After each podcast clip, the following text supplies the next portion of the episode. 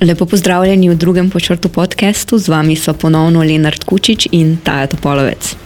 In najprej v imenu celotne ekipe hvala za poslušanje, spodbude in zelo dober sprejem našega prvega podcasta, ki nam je dal veliko zagona in tudi pomagal, da bomo tole epizodo razširili tako vsebinsko in tudi geografsko, zato ker bo tema evropska.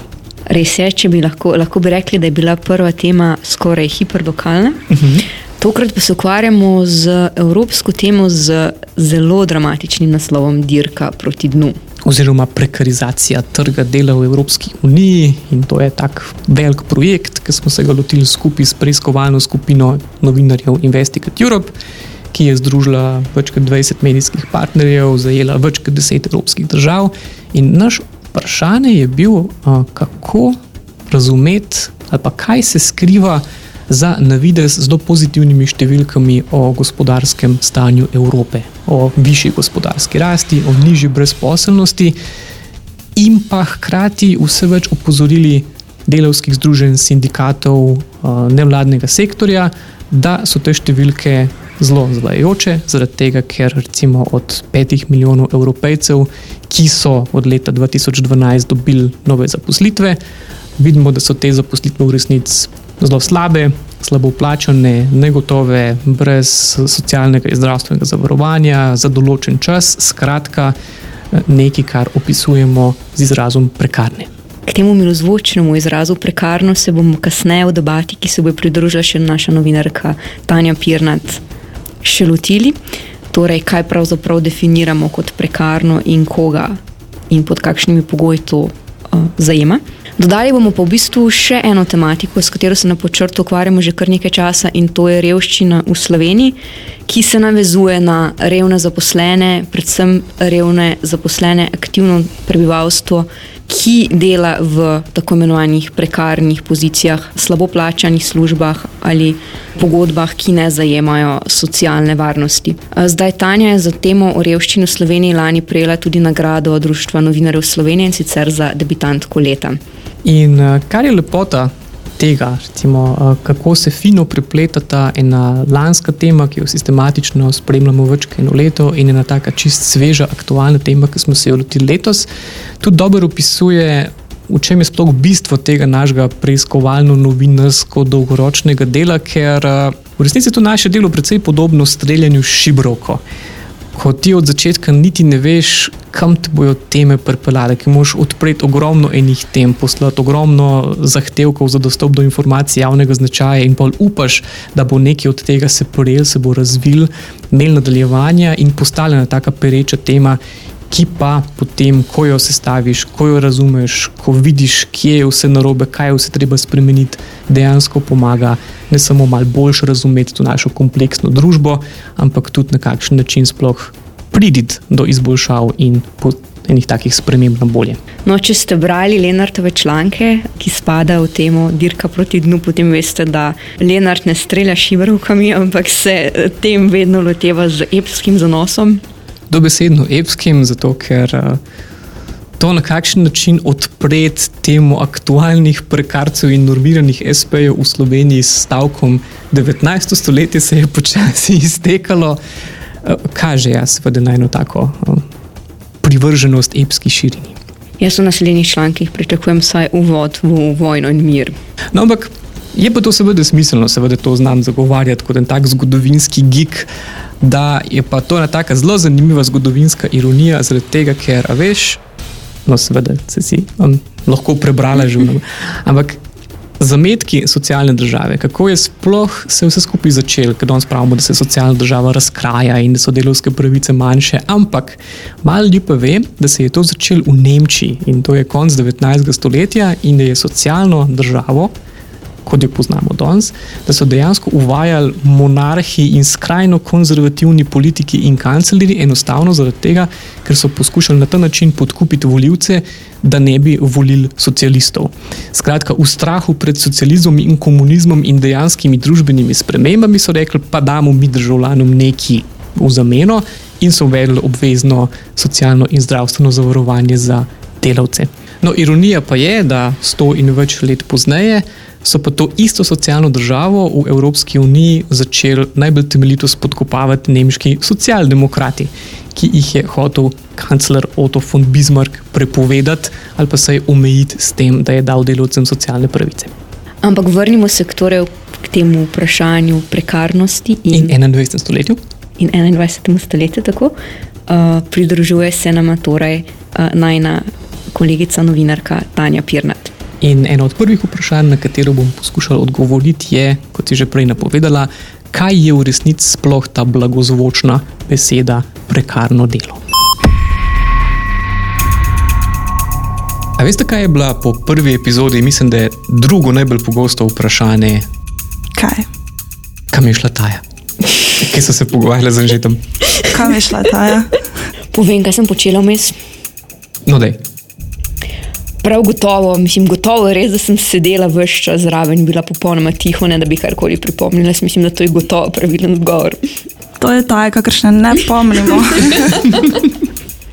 mislim, da temu, te razlagi ne bo nišče od poslušalcev verjel, čeprav me ne poznajo. Skratka, ta je tukaj ne samo Taja, ampak tudi Tanja. Dober dan. Pozdravljena, Tanja. Ja, za začetek te čaka ta začetno najtežje vprašanje, glede te blagozvočne besede prekarci in prekarstvo. Ti si se s tem srečala, koliko več kot en let pred nama, za res, uh -huh. ki si mogla odgovoriti na vprašanje, kaj sploh delaš, o čem sploh pišeš, ko govoriš o prekarcih. Ja, jaz sem se s vprašanjem prekarcev v bistvu srečala, ko sem delala na eni povsem drugi temi, ko sem uh, raziskovala revščino v Sloveniji. In sem se spraševala, v bistvu, kdo je reven v Sloveniji in zakaj. In sem prišla do enega zelo presenetljivega odgovora, da so revni delavci. Kar pomeni v nasprotju s stereotipom, da so revni tisti, ki ne delajo. Tako, da so revni tudi um, določeni delavci, ampak to je treba povdariti, da govorimo o delavcih, ki delajo v atipičnih oblikah zaposlitve prek pogodbe civilnega prava. Revščina med zaposlenimi na pogodbah je nekje 4 odstotna, medtem ko, če pogledamo samo samo zaposlene, je revščina bila v letu 2016 um, skoraj četrtina, 23 odstotkov. Samo zaposlenih je živelo pod pragom tveganja revščine, se pravi, njihov dohodek je znašal manj kot 616 evrov mesečno, neto dohodek. Je pa to je konkretno visoka številka, kar pomeni četrtina ljudi, ki. To je dejansko... zelo, zelo visoka številka. Če mogoče primerjamo z stopnjo tveganja revščine delovno neaktivnih slovencev, uh, je samo 3 odstotke više, mislim, da znaša nekje 26 odstotkov. In razlika med tem, ali veliko delaš, ali si, ne, mislim, ali si zaposlen, ali si nezaposlen, ti samo za 3 odstotke. Ja, je zelo je manjša, kot bi človek pričakoval, če rečemo tako hm, tisto, da če delaš, pa pač ne boš reven. Uh mhm. -huh. Tu je potrebna ena distinkcija. Večkrat se v javnosti prekarnega delavca definira kot samozaposlenega delavca, ampak seveda vsak samozaposleni ni prekarni delavec. Imamo tudi seveda uspešne samostojne podjetnike, ki so se podali na, na pot podjetništva, ker so se tako odločili, ker imajo za to možnost, imajo za to znanja in um, so pri tem uspešni. Ne. Prekarni delavec, po drugi strani, je nekdo, ki ima vseeno odprt SP. Pa v bistvu ni samostojni podjetnik, ker dela za enega delodajalca, dela pod uh, njegovimi pogoji, dela v njegovih prostorih, um, za njegovo opremo, kar je uh, definicija rednega delovnega razmerja po delovni zakonodaji. Se pravi, prekarni delavec je nekdo, ki bi rekli, inšpektor ima vse elemente delovnega razmerja. Hkrati pa nima varnosti, ki bi del, rednemu delovnemu razmerju tako, pač tako. pripadala. To je prekarni delavec.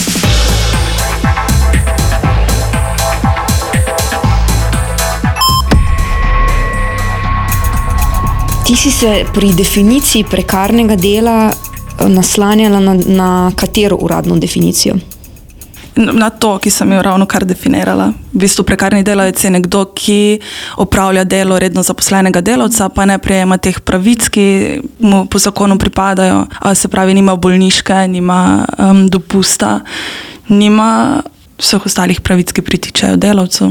Ker naprimer znotraj projekta Investigate Europe, na katerem je delal Lenart, pa se dejansko definicija prekarnega dela in pa prekarizacije delavstva v Evropi še razširi. V njo vključujemo tudi ljudi, ki so sicer za nek določen čas redno zaposleni, ampak je njihova redna zaposlitev kratka in pa nikoli ne vejo, v kakšnem trenutku se bo ponovno obnovila, oziroma kdaj se bo zaključila. Naprimer, primer, ki si ga ti v člankih obravnaval, je primer iz Grčije. Lahko poveš več o tem? Ja, zato ker to, kar je Tanja rekla. Začne se pri vprašanjih definicije. In, uh, ene definicije so preveč široke, kar pomeni, ni vsak, ki je samo zaposlen, hkrati tudi prekarc. Po drugi strani so pa pri investigativni prej zadeve razdelili še malce drugače. Niso govorili prav o prekarcih, ampak so rekli, imate standardne oblike zaposlitve, -huh. kar je, kot bi rekel, zaposlitev za nedoločen čas z vsemi pravicami, ki sodijo zraven, pa so pa rekli, da so pa še nestandardne oblike zaposlitve. Tukaj se pa da zelo široko definicijo, kar pomeni od samozaposlenih do tistih, ki so za določen čas, do tistih, ki so za polovični delovni čas, do tistih, ki so sicer polno zaposleni preko agencije za posredovanje dela, pa delajo samo za določene firme, takrat, ko jih rabijo, kadar jih rabijo. In uh, kar so ugotovili, je pa to, da, kot je tudi Tanja povedala, za veliko, po enih ocenah, za pet milijonov v zadnjih petih letih delavcev, ki so dejansko dobili take zaposlitve nestandardne, da pa. Za večino lahko trdimo, da delajo v prekarnih delovnih razmerah, kar pomeni, da je za njih značilna nizka varnost, da je tveganje revščine večje, da so uh, delovne razmere veliko slabše in da nimajo nobenega pravnega varstva. Kar pomeni, uh mhm. -huh. vzpostavil se je po Evropi skoraj neke vrste kasni sistem, uh mhm. -huh. kjer imaš polno zaščitene, polno zaposlene delavce in vse bolj ali pa skoraj popolnoma nezaščitene, nestandardne delavce. In pa kar so ugotovili, pa to, da tudi ta kasni sistem se krši, zaradi tega, ker v določenih primerjih, še zlasti v Grčiji, pa tudi na, recimo na portugalskem in še kje kjer so bili pa izrazito močni protikrizni ukrepi, tudi zaradi mednarodnih pritiskov in izsiljevanja, če, če hočete dobiti mednarodne kredite. Uh, potem -huh. morate sprejeti to, pa to, pa to. Recimo v teh državah so počasih posegli tudi v pravice redno zaposlenih. Najbolj tak je primer Grčija, sploh v javnem sektorju, kjer so odpustili več kot 200 tisoč ljudi in so mogli spremeniti zakonodajo, ki je zelo olajšala odpuščanje redno zaposlenih, odstopili so od kolektivnih pogodb in skratka sprejeli so ogromno njih takih zakonov, ki so omogočali lažje odpuščanje in ki so zmanjšali tudi pravice redno zaposlenih. To so pa počeli na dveh frontah. Prva je bila, da so dejansko spremenjali zakone za pogodbe o zaposlitvi, kar pomeni, da so olajšali odpuščanje, da so znižali pravice, da so bistveno znižali, ja, skrajšali odpovedne roke, znižali odpravnine, na drugi ravni so pa zelo napadli ali pa spodkopali moč sindikatov, omejili možnosti kolektivnega pogajanja. Um, Določili, da pač kolektivne pogodbe niso več obvezne, ali pa recimo v Romuniji je bilo nekako najhujše, ker so pa tako spremenili zakonodajo, da je postal ustanavljanje sindikata skoraj nemogoče. Kar smo ugotovili pri Investigate Europe, in to je verjetno eno najbolj pomembnih ugotovitev vsega skupaj, to se ni kar zgodilo, to ni naravni pojav, ampak posledica zelo sistematične desetletne politike v imenu tega, na kakšen način bomo povečali konkurenčnost, zvišali gospodarsko rast, povečali število delovnih mest, zmanjšali brezposelnost, ampak praktično vsi ukrepi so šli samo v zmanjševanje delovskih pravic.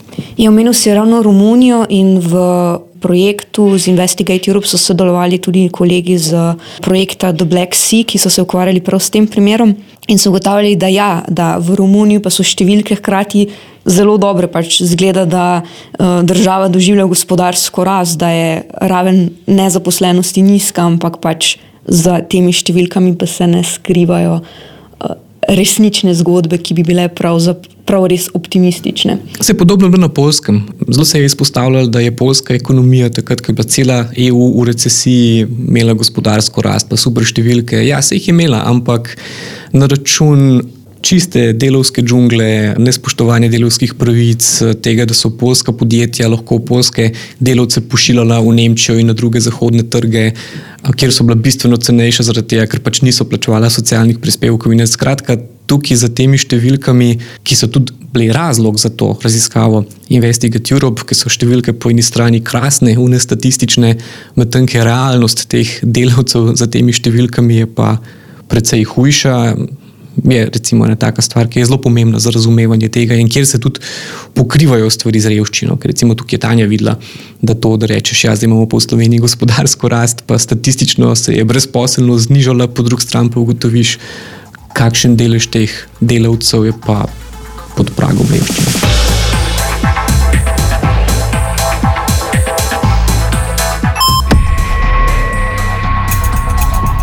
Kljub pozitivnim, ne, vides pozitivnim rezultatom, uh, so se stvari dejansko že začele spremenjati. Naprimer, na koncu oktobra se je bila na ravni Evropske unije sprejeta odločitev, da je treba uskladiti zakonodajo, ki omogoča napotitev delavcev delati v druge države in da morajo v bistvu biti vsi napoteni delavci napoteni tja pod istimi pogoji kot delavci, ki v tej državi, kamor so napoteni, delajo.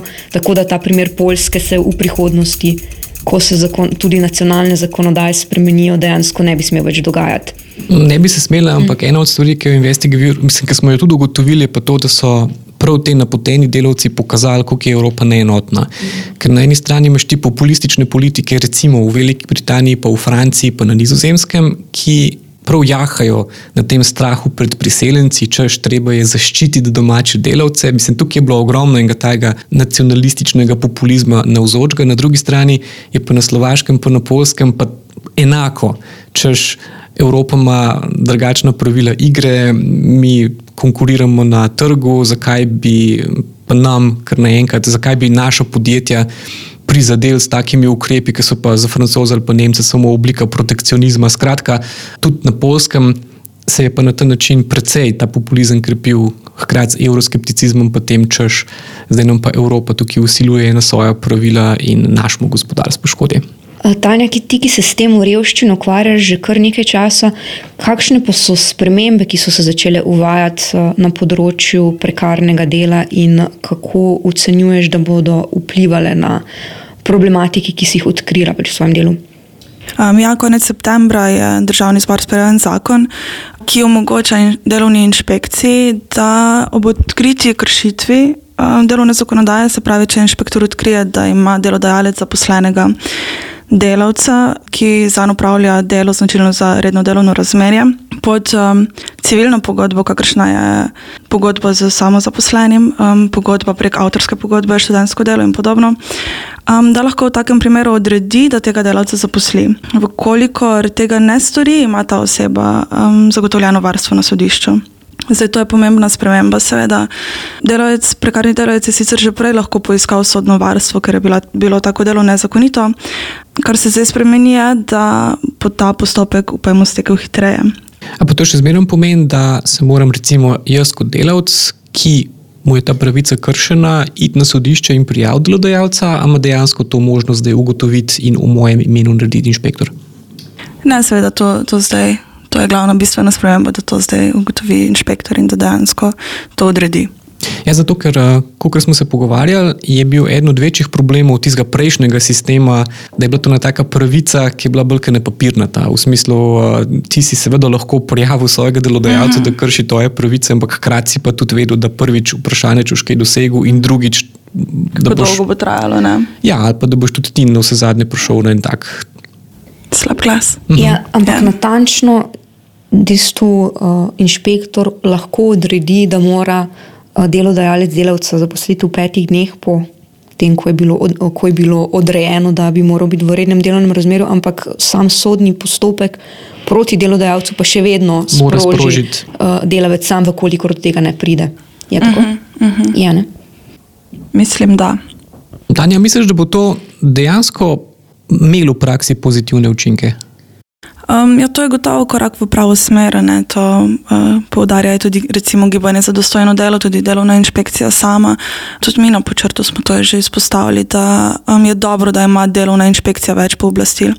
Ampak po drugi strani, mi imamo v Sloveniji okoli 40 delovnih inšpektorjev, uh mhm. -huh. delovno aktivnih je nekje polovica Slovenije, predvidevam. Uh mhm. -huh.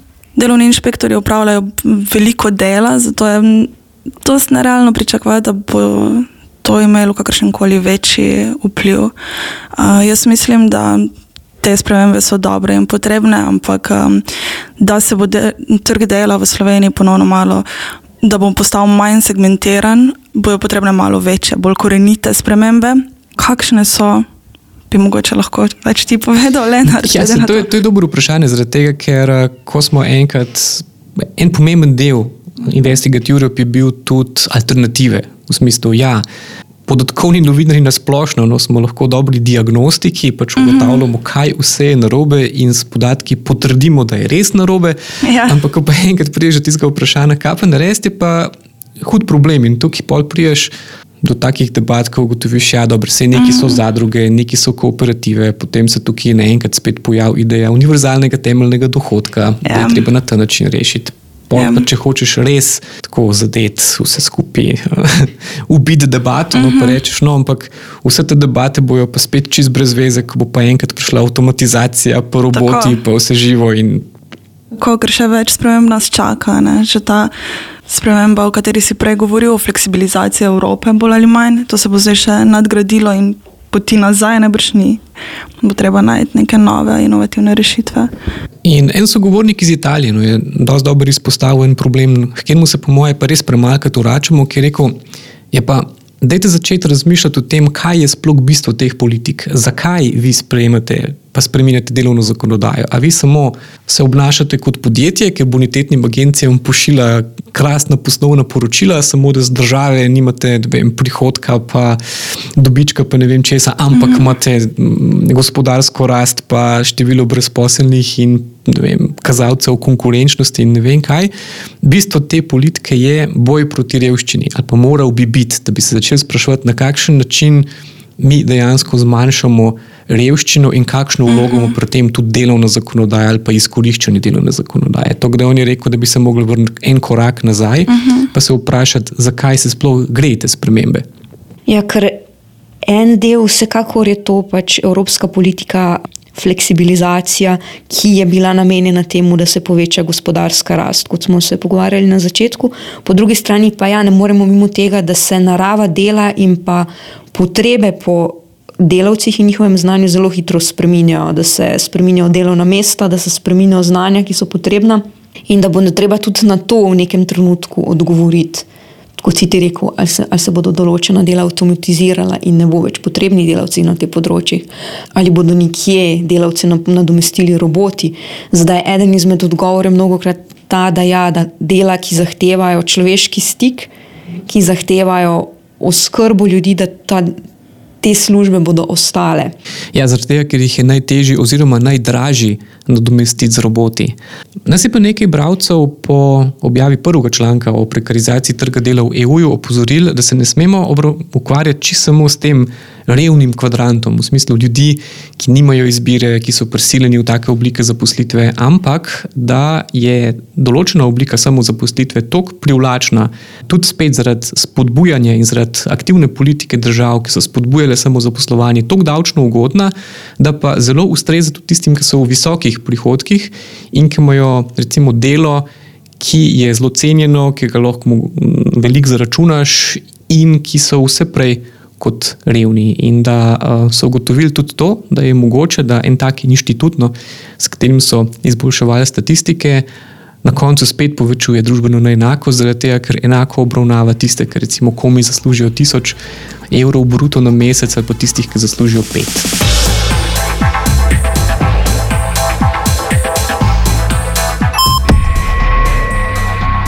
Smo se pa pogovarjali, da je treba vprašanje in debato o prekar prekarizaciji dela vključiti v bistvu tudi neko širšo družbeno perspektivo.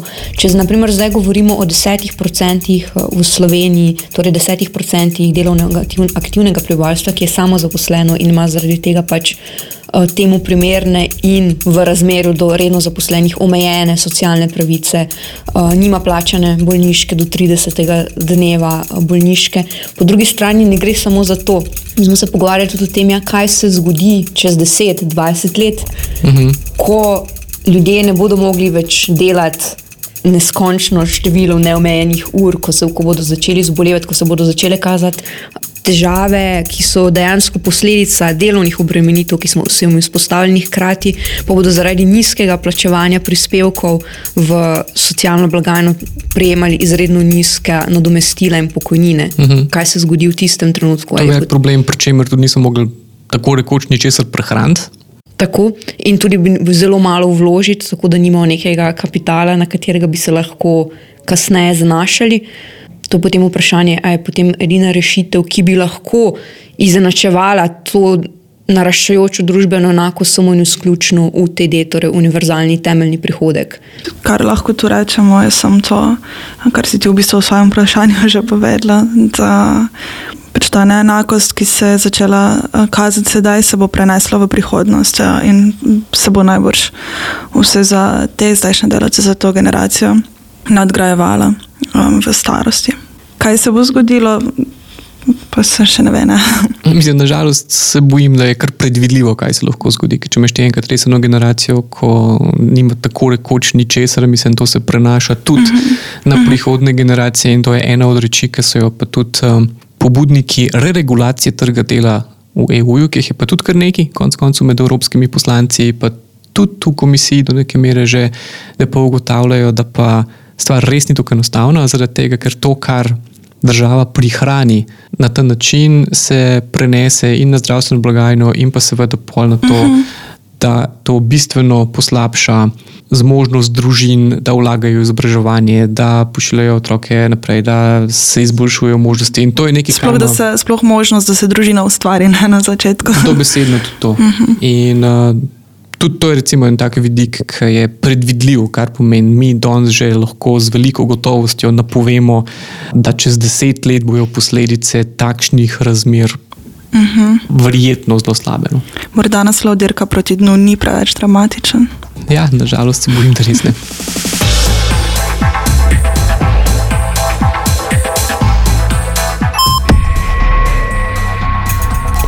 temo o prekarnosti in prekarizaciji na počrtu.si seveda s to debato ne zaključujemo. V pripravi imamo še kar nekaj povezanih člankov na to temo. Ja, in domnevamo, da se bodo precej prepletali tudi s kakšnimi našimi prihodnimi temami. Tako da, ja, to je samo napoved, verjetno še kakšnega prihodnega podcasta na to ali na sorodne teme. Ampak zdaj je pa čas za odgovore na vprašanje. Res je, v prejšnjem podkastu sva napovedala, da bomo odgovorili na vsaj eno vprašanje. In to ne bo vprašanje, ki smo rekli, da ga bomo odgovorili tokrat in sicer kakšne, kako vrvo hodimo med novinarstvom in aktivizmom, zaradi tega, ker smo dejansko prijela vaše vprašanje. Bravka na Facebooku nas je namreč vprašala in to vprašanje se odlično navezuje na temo poletja z dvema županoma, s katero smo se ukvarjali. Zakaj se na počrtu ukvarjamo z Popovičem, z Jankovičem in ne s politiki, ki jih umrščamo na tako imenovani desni politični spektr? Torej, kaj je pravzaprav v teh vsebinah, ki jih imamo za uh, voljivce z levega uh, dela volivnega spektra? Ja, ob tem smo se večkrat spogledali in smo ugotovili, da res ne znamo prav odgovoriti na to vprašanje, zaradi tega, ker nam ta delitev hm, zdaj spet, kdo je na levici, kdo je na desnici. Ne samo, da nam že sama ta delitev ni preveč domača, ampak da o tem v resnici sploh ne razmišljamo, ko izbiramo teme. Zakaj?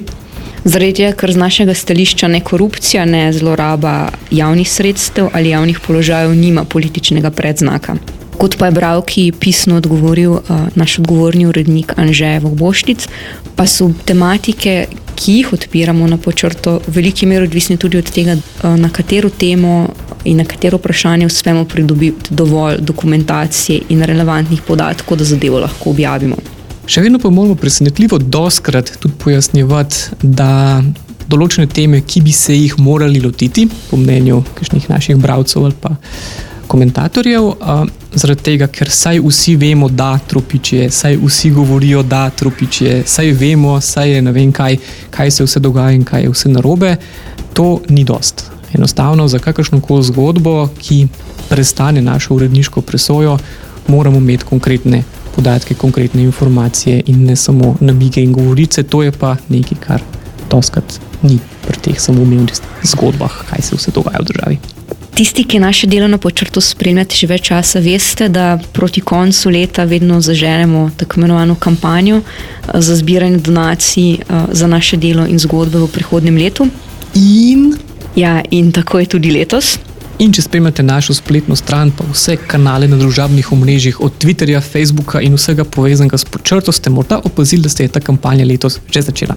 Veseli bomo torej, če jo delite in pa če ste nam seveda nam pripravljeni nameniti tudi donacijo, ki bi omogočila zgodbe na počrto v letu 2018. Kot namreč veste, so naše vsebine na spletni strani počrto.si dostopne brez plačila, prav tako pa ne prodajamo glasnega prostora, kar pomeni, da članke, naše preiskovalno delo, preverjanje dok eh, dokumentacije, dokumentov, pridobivanje informacij podpirate bralci in pa donatori direktno z donacijami. No, in da te donacije ne končajo v neki črni luknji ali pa črni škatli, pripravljamo vsak mesec natančna poročila, kjer lahko vsi donatorji ali pa ne donatorji zelo natančno vidite, kakšni so bili učinki našega dela, kakšne zgodbe ste financirali z donacijami, in konec koncev tudi vidite naša finančna poročila, kjer natančno povemo, kako je bilo kaj porabljen. Vsekakor pa se vsem, ki ste nas vsaj enkrat ali nekateri že večkrat ali celo vsako leto podprli, najlepše zahvaljujemo za vašo podporo. Ja, zato, ker dobesedno in zares in resnično ne bi mogli delati, in verjetno tudi ne obstajati, sploh pa ne imeti tretje obletnice brez vaše podpore. Pod črto smo Anžej Vohboštic, Rok Grča, Lenard Kučič, Tanja Pirnat in Tato Polovec. Naše zgodbe lahko spremljate na podčrto.si. To je bila naša druga epizoda podcasta. Z vami smo bili Lenard Kučič, Tanja Pirnat in Tato Polovec. Glasbeno in zvočno in drugo podobo pa je tudi tokrat namešal Milan Fras.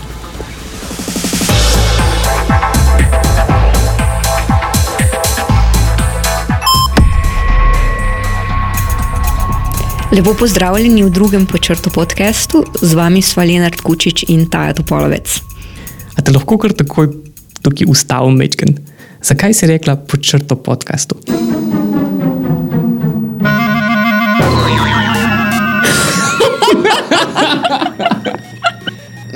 Kaj mi pa morala reči? A ja, že vem. To sem čakal 14 dni. 14 dni je čakal s tem vprašanjem. Zato, ker to je bil namreč najbolj pogosto vprašanje naših poslušalcev po prvem poslušanju. Torej, pod črto podcast je lastno ime tega, če kar poslušate. Mhm, Tako da zato ni podcast pod črto. Ali pa lahko pa rečemo pod črtani podcast. Kaj pa če sploh nehamo uporabljati besedo podcast? Rešili bomo na koncu te oddaje. You.